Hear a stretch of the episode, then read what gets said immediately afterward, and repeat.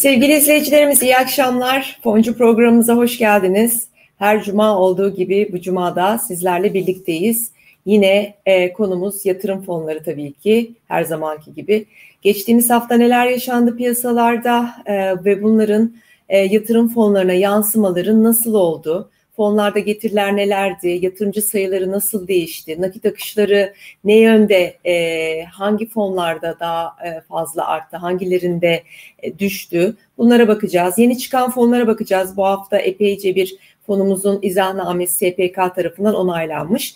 Biraz da bunlar üzerinde duracağız. Sonra da sizden gelen soruları yanıtlamaya çalışacağım efendim. Umarım faydalı bir program olur. E, programa başlamadan önce e, bir e, ufak duyuru yapmak istiyorum. E, aslında güzel de bir haber vermek istiyorum size. E, bir e, yatırım fonlarıyla ilgili haftalık bülten e, çıkartacağız. Bununla ilgili e, uzun zamandır çalışıyorduk. E, bu bültenin eğer e, cumartesi günleri e-postanıza gelmesini istiyorsanız bir PDF dosyası olarak e, web sitemize girip e, iyigelir.net e, web sitemize girip buradan e, e-postanızı bırakabilirsiniz. E, dediğim gibi inşallah birkaç hafta içinde e, e, bültenlerimiz e, e-postalarınıza gönderiliyor olacak efendim. Şimdi ben e, sunumuma başlayayım. Evet, 3-9 Eylül haftasını konuşuyoruz. Yatırım fonlarında neler olduğu e, anlatmadan önce ben birazcık e, dünyada ve ekonomide, piyasalarda neler yaşandı geçtiğimiz hafta onun kısaca bir özetini yapmaya çalışayım. Her zaman gibi önce dünya ile başlayalım. Neler olmuş dünyada diye bakalım. E, tabii burada e, çok detaya girmiyoruz. E, bizim temel konumuz da aslında evet piyasalar ama biz yatırım fonları özelinde daha çok bakmaya çalışıyoruz. O nedenle e, burada e, birazcık daha e, özet e, bir e, tablo sergilemeye çalışıyoruz bir haftalık baktığımızda. E, neler vardı konu başlıkları olarak? Bir kere Avrupa Merkez Bankası'nın ECB e diye e, kısaltılıyor e, İngilizce baş harfleri. 80 milyar euroluk aylık alımını yani tahvil alımını 60-70 milyar euroya indirebileceğine dair Perşembe günkü yanlış hatırlamıyorsam toplantıda bir karar çıktı. Bu karar zaten beklenen bir karardı aslında ama zaten ılımlı bir geçiş olacağı e, bu verilen rakamlarla aslında ılımlı bir geçiş olacağı ve bunların da piyasayı çok fazla e, volatiliteye sürüklemeyeceği konusunda e, hem fikir e, oluyoruz bu rakamlara baktığımız zaman. E, bunun dışında Amerika tarafında e, Biden'dan e, gelen bir haber var. E, Biden artık e, 100 kişiden fazla çalış olan, çalışanı olan işletmelerde aşı zorunluluğu getireceğini söyledi. Bununla ilgili zannediyorum önümüzdeki haftalarda bir girişimde bulunacak. Çin tarafına baktığımız zaman Çin devlet rezervlerinden petrol satışı yapabileceğini bildirdi. Bu haftanın önemli e, aslında bilgilerinden bir tanesi de buydu. Yani petrol arz edecek e, Çin. Aslında Çin son 10 yılın e, en yüksek petrol ithal eden ülkesiydi. Ama bundan sonra içeride bir dengeleme sağlayabilmek adına, e, petrol arz ve talebinde bir dengeleme sağlayabilmek adına böyle bir girişimde bulunacağı e, beyanında bulundu. Bir de e, Çin'de tabii oyun sektörüne getirilen kısıtlamalar son zamanlarda artıyor. Bu hafta da gene e, birkaç kısıtlama geldi. Özellikle de reşit olmayan çocuklar için e, belirli sürelerde oyun oynayabileceklerine dair bir yaptırım e, getirdi Çin hükümeti. Bu da tabii Çin'deki oyun sektörünü, bu sektördeki firmaların e, gelirlerini olumsuz yönde etkileyen bir haber.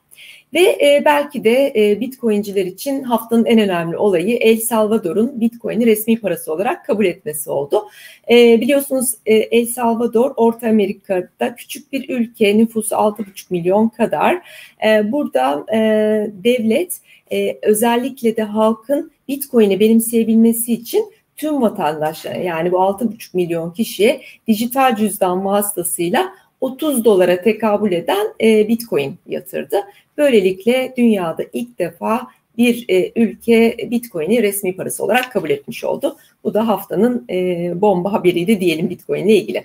Şimdi gelelim e, bizim ülkemize. Bizde neler vardı? E, bizde geçtiğimiz hafta biliyorsunuz e, işte enflasyon verisi açıklandı, büyüme rakamı açıklandı falan çok hareketli bir haftaydı. Bu hafta da gene haberler var. E, ne der, neler bu haberler? Bir mesela çarşamba günü aslında yine e, piyasaya e, önemli etkide bulunan bir haberdi. Merkez Bankası Başkanı Kavcıoğlu'nun çekirdek enflasyon açıklaması yani e, çekirdek enflasyon dediğimiz e, enflasyon aslında gıda ve enerji gibi Merkez Bankası'nın kontrol e, altında tutamadığı bir takım kalemleri enflasyonun içinden çıkartması. E, merkez bankalarının performansı e, bu enflasyon kalemine bakılarak da değerlendiriliyor e, zaman içinde. E, fakat tabii e, Merkez Bankası'nın böyle bir açıklama yapması neden piyasaları tedirgin etti? Neden o gün kur 8.55'lere kadar tırmandı? Bunun anlamı şu, faiz indiriminin yani gelmesini beklediğimiz faiz indiriminin biraz daha kısa bir zaman içinde geleceğine dair bir beklenti oluştu piyasada. Bu da tabii e, enflasyonun yüzde 19-25 e, civarında olması e, ve buna rağmen de bir hani faiz indiriminin gelebileceğine dair bir haber olması piyasayı bu anlamda birazcık karıştırdı. Ama bugün e, kapanırken piyasalar dolar 8.43'ten e, işlem görmekteydi. Onun dışında bu hafta gene önemli e, gelişmelerden bir tanesi inşaat sektöründe yaşana, yaşanan boykot. İnşaat Müte Müteahhitleri Konfederasyonu e, özellikle çimento fiyatlarındaki artış nedeniyle 24 Eylül'e kadar iş bırakma e, kararı aldı. E, bu tabii e, inşaat sektörünü olumsuz yönde etkileyen bir karar olarak e, notlarımıza düşmüş oldu. E, çelik ihracatında e, rekor e, kırıyoruz. E, bu da yine önemli başlıklardan bir tanesi. E, çelik ihracatında zaten ihracat rakamlarımız çok iyi gidiyor. İhracat bazlı bir büyüme sergiliyoruz son 4-5 aydır biliyorsunuz. Bir de çelikte böyle hem e, talebin artıyor olması ve bizden bu tür bir ihracatın e, yüksek düzeyde gerçekleştiriyor olması e, bu anlamda tabii sevindirici. Son olarak da yabancı yatırımcıdan bahsedeyim. Yabancı yatırımcı bu hafta net 99 milyon milyon dolarlık hisse senedi ve 42 milyon dolarlık tahvil satın aldı diyelim. Geçen haftalarda da Temmuz ayından bir, Haziran ayından bir yaptığı alımları sürdürüyordu. Bu bilgiyi de vermiştik. E, doları söyledik. Altın 1798 ons dolar.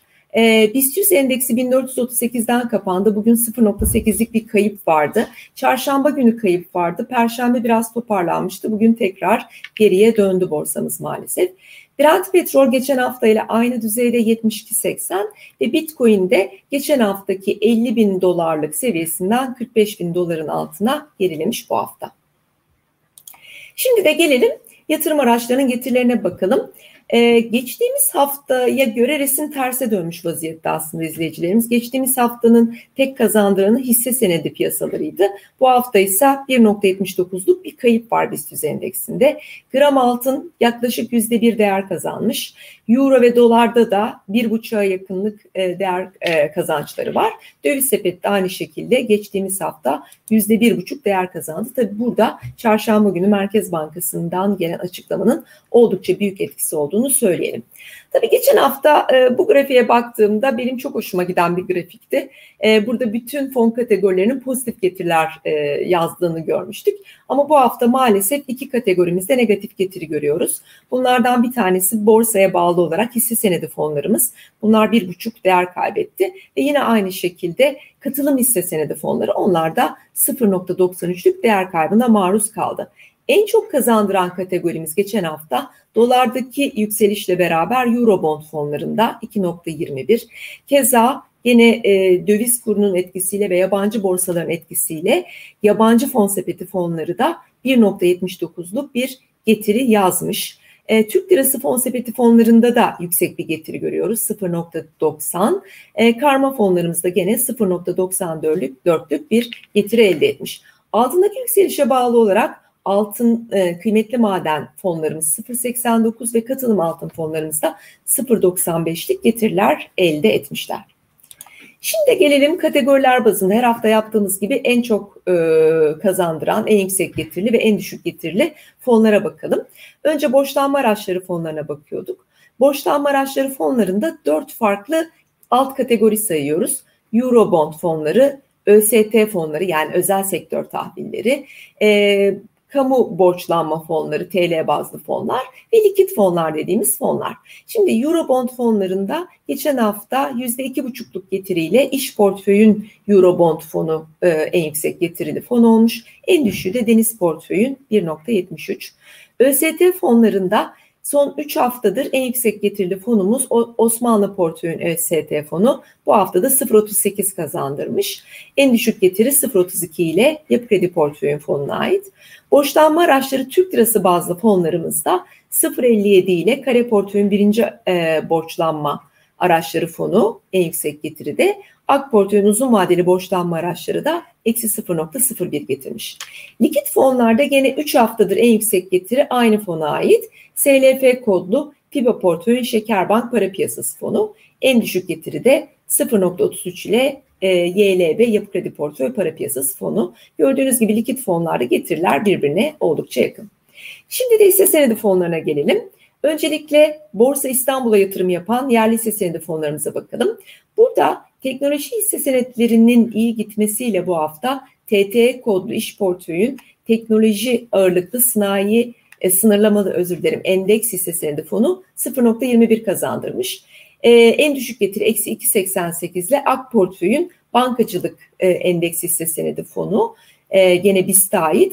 Biliyorsunuz bir önceki hafta en yüksek getiriler e, bankacılık sektörüne aitken bu hafta bu endeksteki düşüşle beraber e, en düşük getiri de burada olmuş oldu.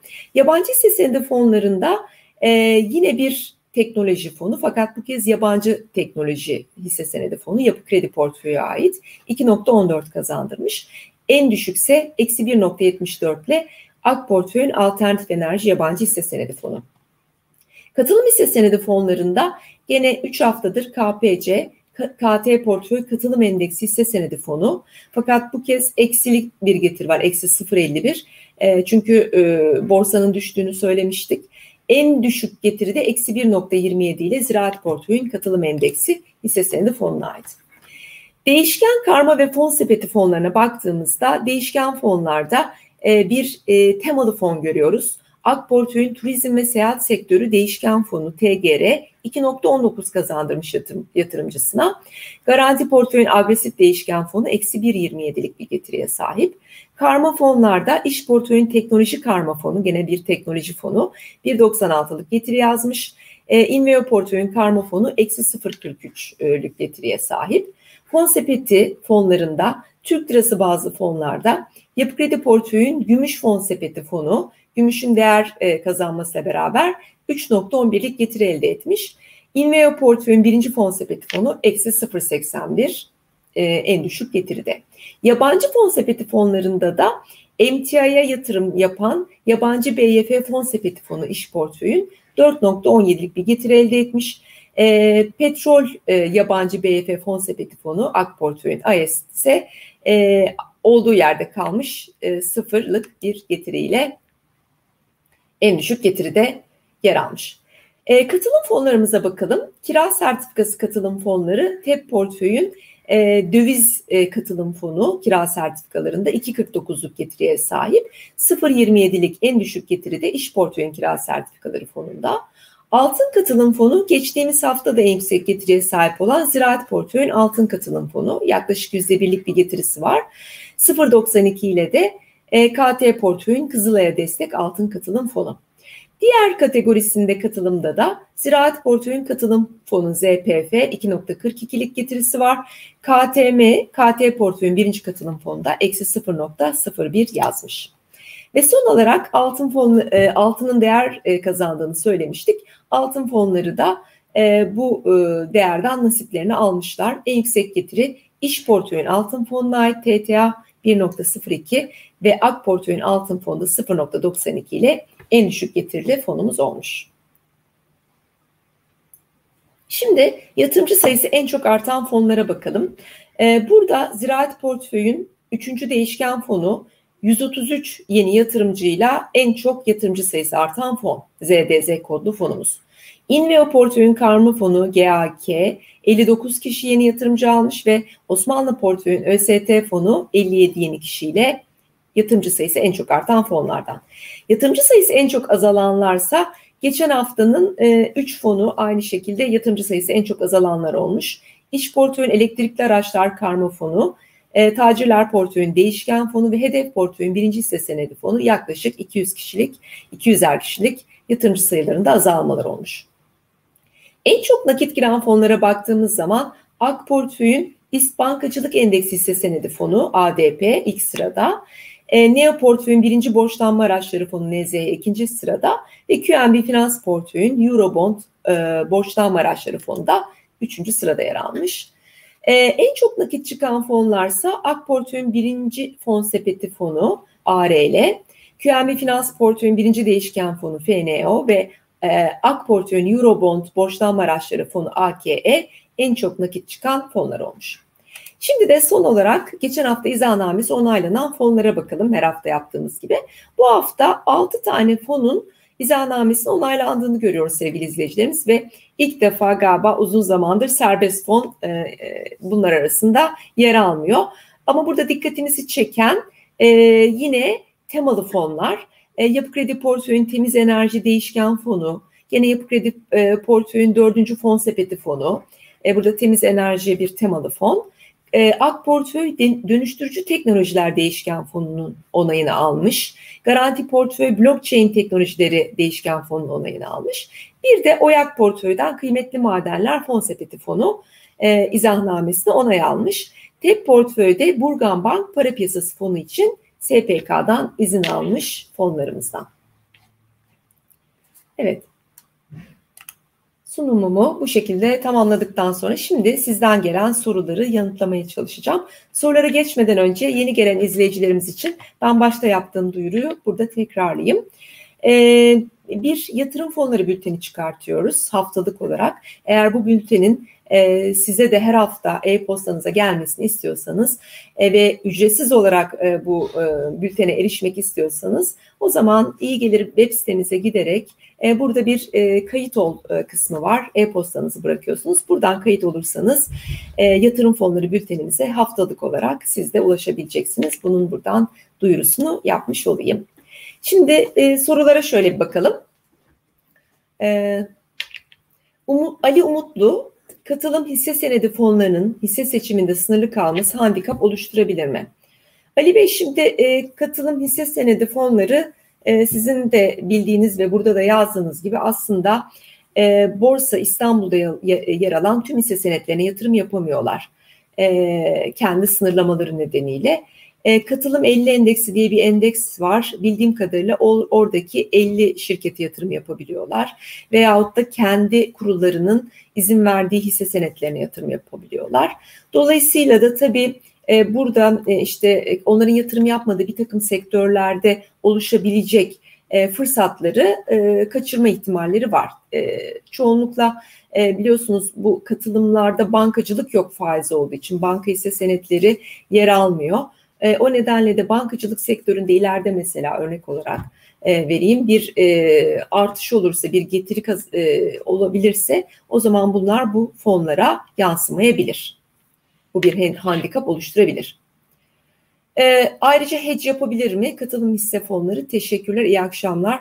Katılım hisse fonları e, bildiğim kadarıyla hedge yapmıyorlar yani e, bunu e, tercih etmiyorlar diye biliyorum. Daha önce e, katılım fonu yöneten e, port yöneticilerimizi ağırladığımızda bunu söylediklerini hatırlıyorum. Ama bunu bir kez daha kontrol edip e, tekrar bilgi verebiliriz size. Erdem Eröz, e, banka hesabımdan MKK adına para kesiliyor ama ben MKK numaramı bilmiyorum. Nasıl öğrenebilirim ya da dekont üzerinde yazar mı? Ben göremedim kaç haneli bir sayı şimdiden teşekkürler demiş. E, MKK numaranızı aslında e, e-Devlet'e girerek öğrenebilirsiniz diye biliyorum. E, biz de bir kez daha kontrol edebiliriz. E, E-Devlet üzerinden yapabilirsiniz veya Merkezi Kayıt Kuruluşu'nun web sitesine girerseniz e, oradan e, da talep edebilirsiniz Erdem Bey.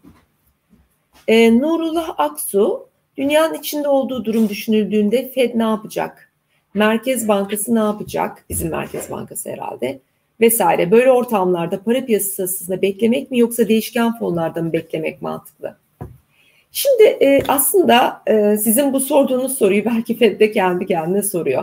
Yani biliyorsunuz yaklaşık e, bir 3-4 aydır aslında Fed başkanlarının da e, fikir ayrılığına düştükleri bir durum bu. Yani biz e, piyasaya para vermeyi durduracak mıyız? Ne zaman durduracağız ve bu durdurmanın ya da bu azaltmanın, parayı azaltmanın e, miktarı ne olacak, ne kadarlık paralar vereceğiz bundan böyle gibi e, birçok konuda aslında hala tartışıyorlar ve ne, yapıl ne yapılacağına da kesin olarak da karar verilmiş değil. Ama muhtemelen Nurullah Bey e, yani burada böyle piyasayı çok fazla sarsıcı, volatilite yaratıcı, e, çok ani hareketler içine girmekten kaçınacaklarını düşünüyorum ben. Çünkü zaten büyük bir krizden çıktık, pandemi yaşadık. E, bir de bu şekilde hani piyasaları rahatsız edici hareketler yapacağını ben Fed'in düşünmüyorum. Yani benim şahsi görüşüm bu kademeli kademeli olarak azaltacaktır. Ee, ve bunun da hani zaten de söylediler 2021'in sonunda olabilir. Ve hatta şimdi delta varyantının etkileri de sürüyor. İşte geçtiğimiz hafta e, bu istihdamla, tarım dışı istihdamla ilgili veri de çok iyi gelmedi. Beklentilerin altında geldi falan. Yani bu gene biraz ötelenebilir. O nedenle e, burada e, hani e, çok böyle e, nasıl diyelim e, yatırım araçlarının değerini müthiş bir şekilde etkileyecek bir şey buradan çıkmayabilir. Ama tabii bu sadece bir faktör. Başka faktörler de var. Başka faktörler işin içine girerse e, burada işte emtialarda da fiyatlar e, çok volatil hale gelebilir. Dövizde aynı şekilde. E, bunları tabii şeyin dışında tutuyorum. Sorduğunuz sorunun dışında tutuyorum. Böyle ortamlarda para piyasasında beklemek mi demişsiniz? Şimdi yani para piyasasında beklediğimiz zaman şu anda bizim para piyasası fonlarımızı düşünelim. İşte yaklaşık mevduat kadar kazandırıyorlar. Eğer siz e, çok temkinliyseniz, korkuyorsanız ileride hani bir volatilite olursa ben e, hiç kaybetmek istemiyorum diyorsanız para piyasasında bekleyebilirsiniz. Mevduatta veya para piyasası fonlarında. E, ama ben hani e, biraz risk alabilirim diyorsanız o zaman e, işte bir e, fonlardan içinde para piyasası da olan, altında olan, hisse senette olan bir e, portföy oluşturabilirsiniz. E, bunları da yapmak istemiyorsanız kendinize bu e, yatırım araçlarını içinde daha aktif bir şekilde e, tutan e, değişken fonlardan da böyle 2-3 tanesinden kendinize bir sepet oluşturabilirsiniz. Ama ben asla tek bir fon almanızı önermiyorum. Yani e, tek bir para piyasası fonu alın asla demiyorum veya tek bir değişken fon alın demiyorum. Muhakkak yine çeşitlendirme yapmanızı tavsiye ediyorum Nurullah Bey. E, şimdi devam edelim sıradan. E, İlhan Sevinç, Merkez Bankası faiz indirirse fonlar nasıl etkilenir? E, İlhan Bey. Şimdi çok çeşitli fonlarımız var İlhan Bey. E, Merkez Bankası'nın e, faiz indirmesi e, öncelikle faizle birebir ilintili olan e, tahvil yani borçlanma araçları fonlarımızdan baş, başlayalım. Faizlerin inmesi, faizlerin düşmesi tahvillerin değerini arttırır. Dolayısıyla içinde e, tahvil bulunduran fonlarımızın değerlerinin artmasını bekleriz. E, öncelikle hani çok direkt bir etki olarak bunu söyleyelim. E, bir, bir, bir etkenimiz bu. E, fakat tabii şöyle de bir durum var. Bu faizin indirilmesinin kademesi de önemli. Oradaki şiddet de önemli. Yani e, tutup da mesela Merkez Bankamız bizim diyelim ki Kasım ayında 2 bas puan birden indirirse işte %19'dan %17'ye getirirse bu çok daha hızlı etkileyecektir. E, ama bu mesela bizim tahvil fonlarımızı etkilerken bir yandan da Eurobond fonlarımızda e, bir olumsuz etkiye sebep olabilir. Evet Türkiye'de faizler düşüyor falan ama bu aynı zamanda da Merkez Bankası'na olan güven, güvenin, inancın bir e, sarsılması olarak algılanırsa eğer yurt dışında o zaman bu bizim CDS primlerimizi yükseltir. CDS primlerimiz yükseldiği için de Euro bondlarımızın iskonto oranları yükselir. Euro bondlarımızın değeri düşer. Buna bağlı olarak da Euro bond fonlarımız değer kaybeder. Yani tahvil fonlarımız olumlu etkileyebilir. E, Euro bond fonlarımızın da değerini düşürebilir, olumsuz yönde etkileyebilir. E, onun dışında e, hangi fonlarımıza bakmak lazım? Hisse senedi fonlarımıza bakacak olursak burada da tabii e, birçok faktör var. Ne var? E, faizlerin böyle hani e, dediğim gibi ufak ufak indirilmesi ve zamanında indirilmesi, beklenildiği gibi indirilmesi hisse senedi piyasamızı olumlu etkiler. Hisse senedi fonlarımızda artar, değer kazanırlar. Ama çok hızlı bir indirme ve bu işte Ekim ayında ya da işte beklenmedik bir zamanda olursa, istenmedik bir zamanda olursa Merkez Bankası'na olan inanç kırılacağından Türkiye'ye olan güven gene zedelenir. Yabancı yatırımcı azıcık gelmeye başlamıştı. O yeniden çıkar ve yine hisse senedi piyasamız düşmeye başlar. Yani gördüğünüz gibi aslında tek bir faktör etkilemiyor. Birçok faktör burada ben hani 5-6 tanesini anlatmaya çalıştım. Bu şekilde etkileyecek. E, o nedenle birazcık daha beklemek, bakmak e, ve hep fondan portföy oluşturmak gerekiyor. Kendimizi birazcık e, garanti altına alabilmek için. Kıymet Hanım, ben hemen bir gözlüğümü takayım, burayı okuyamayacağım çünkü. İyi akşamlar Kıymet Hanım. Eurobond fonunu aldım bu hafta. Hayırlı olsun İş Bankası. Eurobond fonunun CDS gibi diğer etki eden bileşenleri nelerdir bilmiyorum. Çok teşekkür ederim. İyi yayınlar dilerim. E, Kıymet Hanım e, siz bizim e, Twitter'da da takipçimizsiniz. Çarşamba akşamı bu önümüzdeki çarşamba akşamı bir e, Twitter'daki canlı sohbet programımızda, sıra fon yatırımcıları programımızda Eurobond fonlarını konuşacağız. İsterseniz oraya da gelip orada da dinleyebilirsiniz. E, işte bizi takip eden, programa katılan izleyicilerimiz de orada e, işte görüşlerini paylaşacaklar, sorulara cevap verecekler benimle beraber. Onu da izleyebilirsiniz. Ama ben burada tekrar söyleyeyim. Eurobond fonunun değerini belirleyen üç faktör var Kıymet Hanım. Bir tane sizin dediğiniz gibi CDS primi. E, bir tanesi e, Amerikan 10 yıllık tahvillerinin faizi. Neden? Çünkü Eurobondlar dolar cinsinden çıkartılıyor. E, dolar cinsinden çıkar, çıkartıldığı için faizin de do, dolar olması lazım. E, öyle olunca da onun faizi aslında Amerika Birleşik Devletleri'nin dolara verdiği faiz olmuş oluyor. E, bir de bunun üstüne tabii biz e, bunu evet dolar olarak çıkartıyoruz ama kim çıkartıyor bunu? Amerika çıkartmıyor. Amerika'nın diyelim ki şu anda 10 yıllık tahvilleri yüzde 1.30. 1.30'dan siz bunu çıkartamıyorsunuz Türk hükümeti olarak. Çünkü sizi yatırımcılar riskli görüyorlar. Bu riskiniz de neye bağlı olarak ölçüyorlar? CDS priminize. Bizim şu anda CDS primlerimiz 360 e, puan civarlarında. E bunu da faizin üzerine ekliyorlar. Dolayısıyla bizim burada Eurobond faizlerimiz şu anda 6,5-7 civarında yanlış hatırlamıyorsam. Bu ikisi etkiliyor. Bir üçüncü faktör de dolar diyoruz zaten. Doların e, değerinin değişmesi. Dolar değer kazandıkça bu Eurobond fonları değer kazanıyor. Değer kaybettikçe de değerinden e, kayıp veriyor. E, dediğim gibi Kıymet Hanım ben e, hani burada kısaca açıklamaya çalıştım. E, çarşamba akşamı da programımıza gelirsiniz. Gelirseniz orada da tekrar sorularınızı canlı olarak sesinizle de sorabilirsiniz. E, Nurullah Aksu tekrar herhalde aynı konuyla ilgili sormuş. Faiz inerse OSD fonu nasıl etkilenir? OSD Osmanlı portföyün özel sektör tahvil fonu. E, faizler düşerse e, bu fonun içindeki tahviller değer kazanacağı için e, fonun da değerinin artmasını bekleriz. Ama tabii fon e, %80 oranında özel sektör tahvili tutuyor fakat %20 oranında ne tuttuğuna da bağlı. Dolayısıyla faizdeki bu iniş e, çok birebir yansımaz. Her yatırım araçlarında burada etkisi olacaktır Nur Nurullah Bey. Mert Eken, hocam ABD faiz arttırımında hangi yatırım aracında olmalıyız? Eurobondlar nasıl etkilenir? Ee, ABD faiz arttırımında şu anda 1.30 özür dilerim.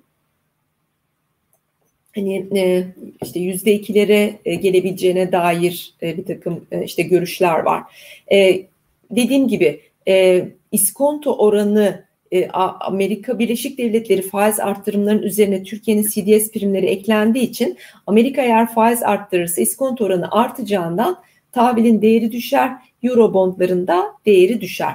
Ama burada tabii dediğim gibi bizim CDS primimiz o sırada ne olacak? Yani bizim güvenirliğimiz, riskimiz nasıl olacak Türkiye olarak? Bir. ikincisi kur ne olacak? Yani bu da önemli. Amerika A faiz arttırdı tamam Eurobondların fiyatları düşecek ben bunu birebir söyleyemiyorum. Anlatabiliyor muyum? Yani doların da etkisi var. Bir de bizim risk primimiz var işin içinde. Mert Bey. Ee, Süleyman Yıldırım altın almak yerine altın fonu almanın ne gibi avantajları olabilir? Ee, Süleyman Bey şöyle e, altın fiziksel olarak aldığınız zaman altın bir kere onun hani bir riski var ne bileyim onu alıyorsunuz eve koyuyorsunuz ya da işte bankada kasaya koyuyorsunuz falan çalınma e, falan gibi bir, bir takım risklere maruz kalmış oluyorsunuz. Böyle bir riski var. E, altın e, fonu almanın böyle bir riski yok. Yani siz bunu işte banka hesabınızdan girip istediğiniz portföy yönetim şirketinin fonunu Tefas üzerinden e, alabilirsiniz altın fonunu. E, vergiler açısından şöyle bir şey var. Şimdi geçtiğimiz sene mesela e, Haziran 2020'de pandemide e, işte Türk lirasının değerini koruyabilmek için altın ve döviz alımlarında e, binde bir oranında BSMV getirmişlerdi. Yani bankaları, bankacılık, sigorta ve muamele vergisi getirildi. Siz mesela diyelim ki 100 bin liralık bir altın aldınız ya da 10 bin liralık bir altın aldınız. Bunun yüzde birini e, yüzde biriydi yanlış özür dilerim. Binde bir miydi? Binde biriydi yanlış hatırlamıyorsam. Binde birini DSMV olarak ödüyorsunuz. Böyle bir vergi var. E, ama e, altın böyle zaman zaman bu tür vergiler getiriliyor ve toplam tutar üzerinden getiriliyor. Kazancınız üzerinden değil. Alırken bunu direkt ödüyorsunuz. Altın fonu aldığınız zamansa e, altın e, fonunda sadece kazanç üzerinden vergi ödüyorsunuz. Diyelim ki 100 liralık altın fonunu aldınız Satarken de 150 liraya satıyorsunuz. Bunun 50 e, lirası sizin kazancınız. 50 liranın 5 lirasını ne olarak ödüyorsunuz? E, vergi olarak ödüyorsunuz. E, stopaj olarak işte hesabınızdan kesiliyor bu para. Dolayısıyla böyle hani vergisel anlamda da e, bir fark olduğunu göreceksiniz. Şimdi e, mesela bize şu söyleniyor işte altın daha çok kazandırıyor. Altın fonuna bakıyorum işte birkaç puan bazen 0.5 puan farklar olabiliyor.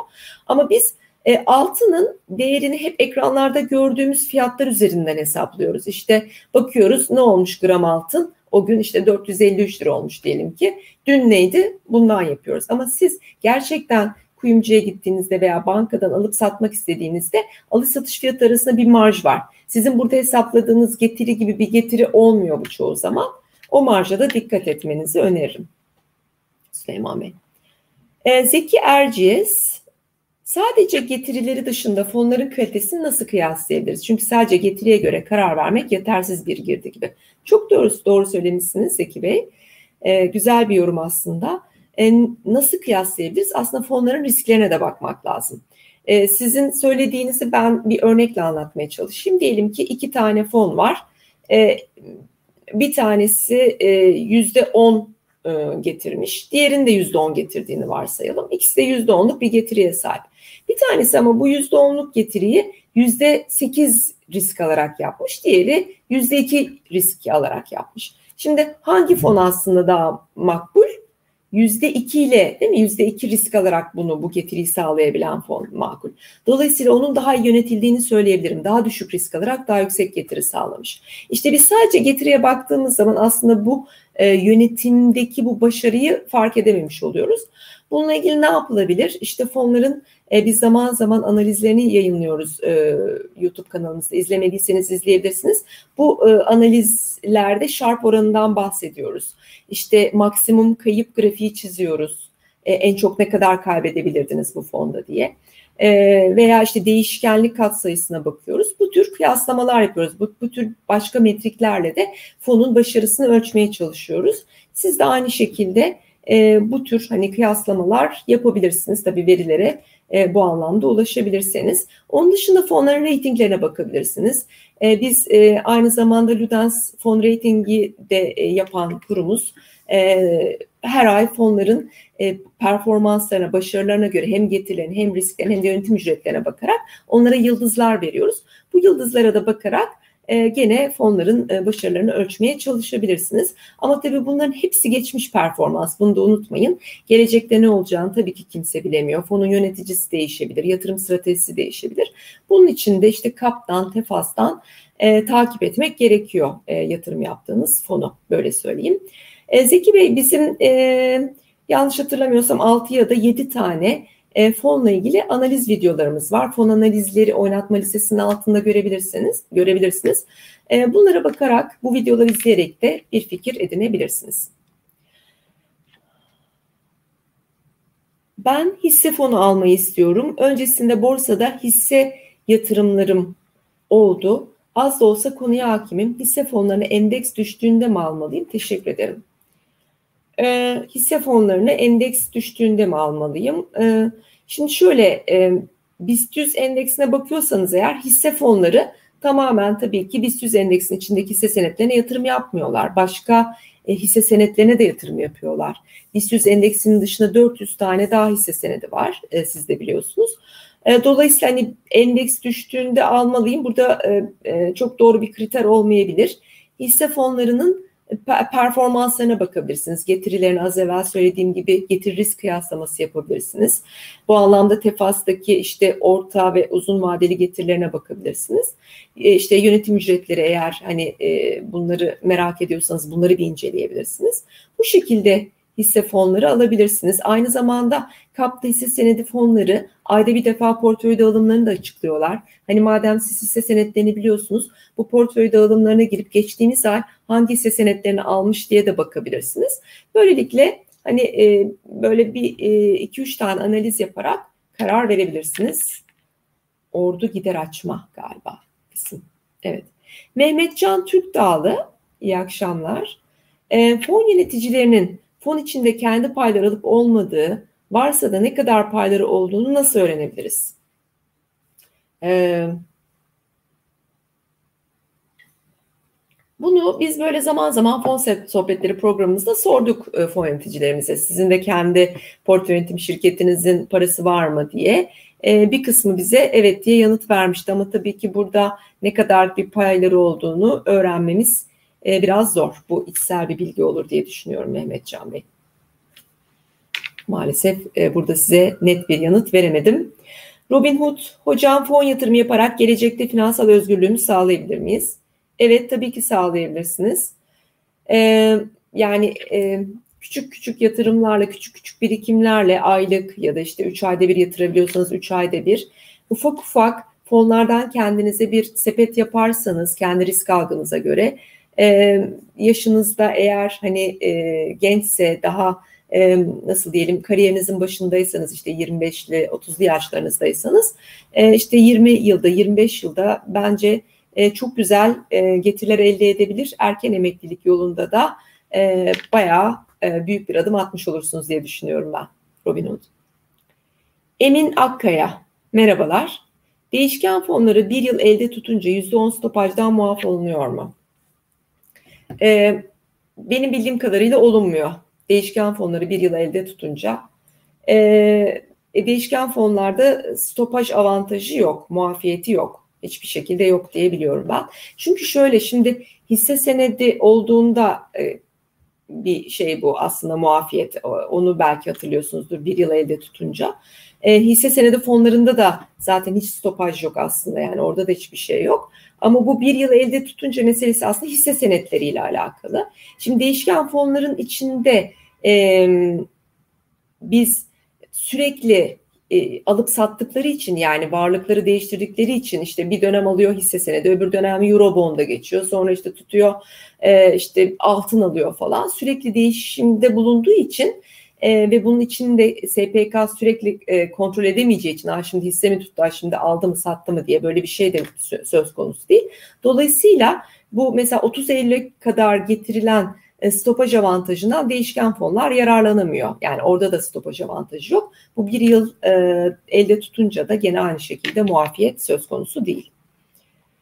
E, Yücel Bey den önce ben Feyzi özür diliyorum Feyzi Aybey varmış önde ona bakalım. Regülasyon geldikten sonra kripto para fonu çıkması mümkün mü sizce? E, kripto para fonu e, var. E, biz geçen programda da bahsetmiştik hatta benim orada bir eksik bilgim vardı onu da tamamladık. Kripto e, para üzerine çıkartılmış fonlar var. Türkiye için soruyorsanız e, regülasyon bizde de gelirse bizde de çıkabilir. Neden çıkmasın? Yücel Bey şimdi sizin sorunuza geçiyorum. 2022 ve hatta 2023 pandemi yılı 2020 gibi yüksek kazanç ve zararlarının yaşandığı bir dönem olmayacak gibi. Varlık fiyatlamalarında bir dengelenme yaşıyor gibiyiz. Bu değişken fonları öne çıkarır mı? Evet çıkarabilir e, Yücel Bey. E, dediğiniz gibi yani 2020 gerçekten çok yüksek kazançların elde edildiği bir yıldı. O nedenle de oradaki o normal üstü kazançları e, gören yatırımcılar şimdi 2021 yılının fonlar için çok kötü bir sene olduğunu söylüyorlar ama gene fonlar bazında bakıldığında yani böyle sadece birkaç tane fona değil ama bütün fon piyasasına baktığımız zaman güzel getiriler elde eden fonlarımız hala var. İyi yönetilen fonlarımız var tabii ki. E, ve getiriler yine de iyi yani diğer fonlarımız da e, kötü değil. E, genel olarak incelediğimiz zaman söylüyorum. Tabii bunların dışında kalanlar da vardır. Fakat biz geçen sene çok normal üstü getiriler gördüğümüz için bu seneki örneğin bir yıllık yüzde 40, yüzde 50 getiriler düşük geliyor yatırımcılara. Yani getiriyle ilgili bir e, algı bozulmamız oldu bence. E, ben öyle düşünüyorum. 2020 yılı bizim bu algımızı bozdu diye düşünüyorum. E, bu sene de çok güzel getiriler sağlayan fonlarımız var. Ben 2022 ve 2023'ün de öyle olacağını düşünüyorum. Yani düşük getiriler olmayacak. İyi yönetilen fonlar yine öne çıkacaklar ve yatırımcıların yüzünü güldürecekler diye düşünüyorum. Tabii değişken fonlar e, bence her daim öne çıkabilecek fonlar. Çünkü onlar aktif stratejiyi birebir uygulayan fonlar. E, biz e, değişken fonlarla ilgili çok yeni bir e, video çektik. E, dün akşam kanalımıza yükledik. Değişken fonları öğrenmek isterseniz eğer o videomuzu izleyebilirsiniz. Şimdi arkasından o bir video serisi olarak çektik biz onu. Şimdi videonun serinin ikinci ve üçüncü videoları da gelecek. Karma fonları da anlatıyor olacağız. Karma ve değişken fonlar bu anlamda aslında bir hani avantaj sağlıyor diye düşünüyorum ben. Bu fonları kullanarak da portföylerinizi oluşturabilirsiniz. My English Adventure bizim sadık izleyicilerimizden merhabalar efendim hoş geldiniz iyi akşamlar Ömer Bey. E, kriz ortamlarında veya herhangi bir seçim ekonomisinde fonlara karşı nasıl bir yaklaşımımız olmalı? Neleri tercih etmeli? Uzak durmamız gerekenler nedir? E, şimdi şöyle düşünüyorum ben kriz ortamlarında da e, seçim ekonomisinde de e, yani bir takım e, fonları bir, e, muhakkak portföyümüzde tut, tut, tutmamız lazım. Aslında yani stratejimiz şöyle olmalı. E, bir tane kategori ya da iki tane kategori üzerinden gitmemeliyiz. Mesela sadece hisse senedi fonlarından oluşan bir portföyümüz olursa evet kriz ortamlarında özellikle hisse senetlerinin kötü gittiği zamanlarda ne olacaktır ee, Ömer Bey? Bizim de e, portföyümüz değer kaybedecektir. Ama siz eğer işte hisse senedi fonlarının yanına özel sektör tahvil fonu da koyarsanız, biraz para piyasası fonu da koyarsanız bu sizi kriz zamanlarında aşırı düşüşlerde koruyacaktır paranızı bir koruma altına alacaktır. O nedenle de e, hani özellikle şu fonları e, tercih edin gibi bir şey söylemiyoruz ya da şu kategorileri tercih edin gibi bir şey söylemiyoruz. Söylediğimiz şu farklı e, risk değerlerine sahip farklı kategorilerden kendinize fon sepetleri oluşturabilmeniz. Eğer takip edebiliyorsanız, izleyebiliyorsanız 7-8 tane fonluk bir portföy örneğin oluşturabilirsiniz ve bu e, portföyü takip edebilirsiniz. E, tabii bunların içinde zaman zaman da muhakkak e, işte getirilerine bakarak eğer performanslarına bir düşüş görüyorsanız, yönetimi artık beğenmiyorsanız o zaman da değişiklikler yapmanız iyi olur. İbrahim Ocak.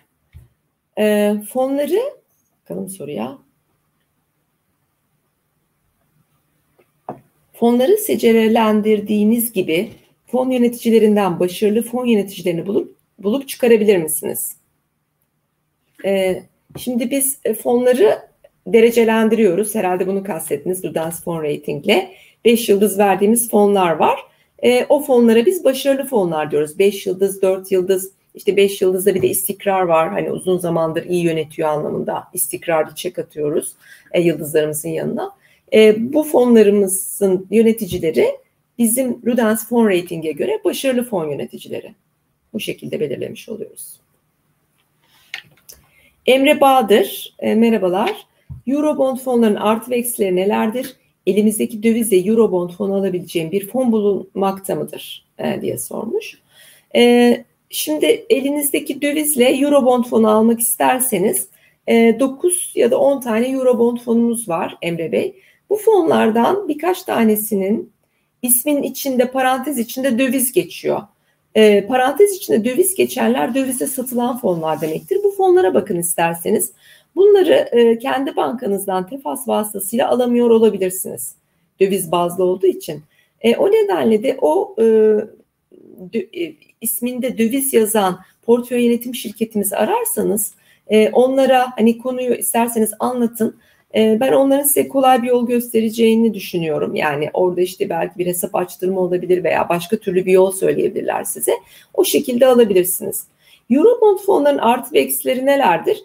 Şöyle, e, şimdi eğer bir Eurobond fon alacaksanız e, orada biraz beklemeniz gerekiyor. Yani böyle birkaç ay değil de en az bir 6 ay işte elinizde tutarsanız eğer çünkü o Eurobond fonları aynı zamanda içlerinde e, çok sayıda Eurobond tuttukları için e, onları yöneten, o fonları yöneten fon yöneticilerimiz o Eurobondların durasyonlarına bakarak yani vadeye kalan sürelerine bakarak işte alım ve satımlar yapıyorlar. Ve onlar aslında bir e, getiri hedefliyorlar. Bir getiri amacıyla onları alıyorlar. Siz diyelim ki e, girdiniz bir fona iki ay sonra sattınız işte düştü fon ve sattınız e, memnun kalmadınız ve zarar ederek çıktınız. Ama sizden bir ay sonra o fon yöneticisi e, işte o e, önceden belirlediği süreye ulaşmış ve o getiri yakalamış olabilir. Ve siz de erken çıkarak aslında bu şeyden getiriden faydalanamamış olabilirsiniz. Yani böyle bir şey var diyelim. E, eksisi olarak söyleyemem ama yatırım stratejisi olarak söyleyebilirim. Bu nedenle biraz sabırlı olmak gerekiyor Eurobond fonlarını alıp satarken. Evet, e, Haydar Aslaner, yabancı fonlardan çıkış zamanı geldi mi sizce? Şimdi Haydar Bey, e, yabancı fon dediğiniz zaman o kadar çok fon var ki, e, hani şunu kastediyorsanız işte yabancı borsalar çok yükseldi, Amerika borsası. E, işte hani artık biz burada karları realize edelim ve çıkalım anlamında söylüyorsanız. E, yani bu konuda aslında çok da emin olamıyorum. Yani e, çıkış zamanı geldi diyemiyorum. Çünkü hala neden diyemiyorum? FED hala muallakta konuşuyor. Hala işte bir tapering ile ilgili bir e, bize zamanlama veremiyor ve şunu da görüyoruz yani bu çok şey olmayacak. Yani çok hızlı gelecek, çok böyle volatilite yaratacak bir şey olmayacak. O nedenle de e, bu borsaları çok olumsuz yönde etkilemeye de bilir. Böyle bir şey var. Ama bir yandan da eğer gelirse yani bir anda işte delta varyantını çözersek e, ve birazcık daha hızlanmaya başlarsa olay o zaman işte doların değeri yükselmeye başlayacak. Yani dolar çekilecek çünkü piyasadan doların değeri yükselmeye başlayacak. Yatırımcıların bir kısmı portföylerini, yabancı borsalardaki portföylerini dolara ve altına biraz kaydırmaya başlayacaklar. E böyle olunca da oradaki borsalarda değer kayıpları olabilir. Dolayısıyla hani böyle bir soruya cevap vermek gerçekten çok zor. Ama siz ne yapabilirsiniz Haydar Bey? Eğer kendinize e, bir getiri hedefi belirlemişseniz ve siz o getiriye ulaştıysanız diyelim ki siz bu fonları bundan 4 ay önce aldınız ve elde etmek istediğiniz getiri de bu 4 ayda diyelim ki yüzde 20 idi ve o 20'yi de yakaladınız. Eğer hani siz kendinizi bu anlamda iyi hissediyorsanız ya ben bundan sonra yükselirse üzülmem diyorsanız o zaman e, çıkış yapabilirsiniz. Çünkü gerçekten güzel bir getiri ve ne olacağı da belli değil. Yani düşebilir. Evet e, sevgili izleyicilerimiz e, programımızı ben burada sonlandırıyorum. E, çünkü sonrasında da çok uzun oldu program diye izlenmesinde de e, sıkıntılar olabiliyor. Biz biliyorsunuz her cuma buradayız sorularınızı yine yanıtlayacağız. E, ve ben yine programın sonunda tekrar duyurayım. E, ücretsiz yatırım fonları bültenimizi haftalık olarak e, e-postanıza gelmesi için web sitemizi girerek, web sitemize girerek e, lütfen e, üye olunuz. E, bir sonraki programımızda sizinle tekrar beraber olmak için burada olacağız efendim. Görüşmek üzere diyorum. Hoşçakalın.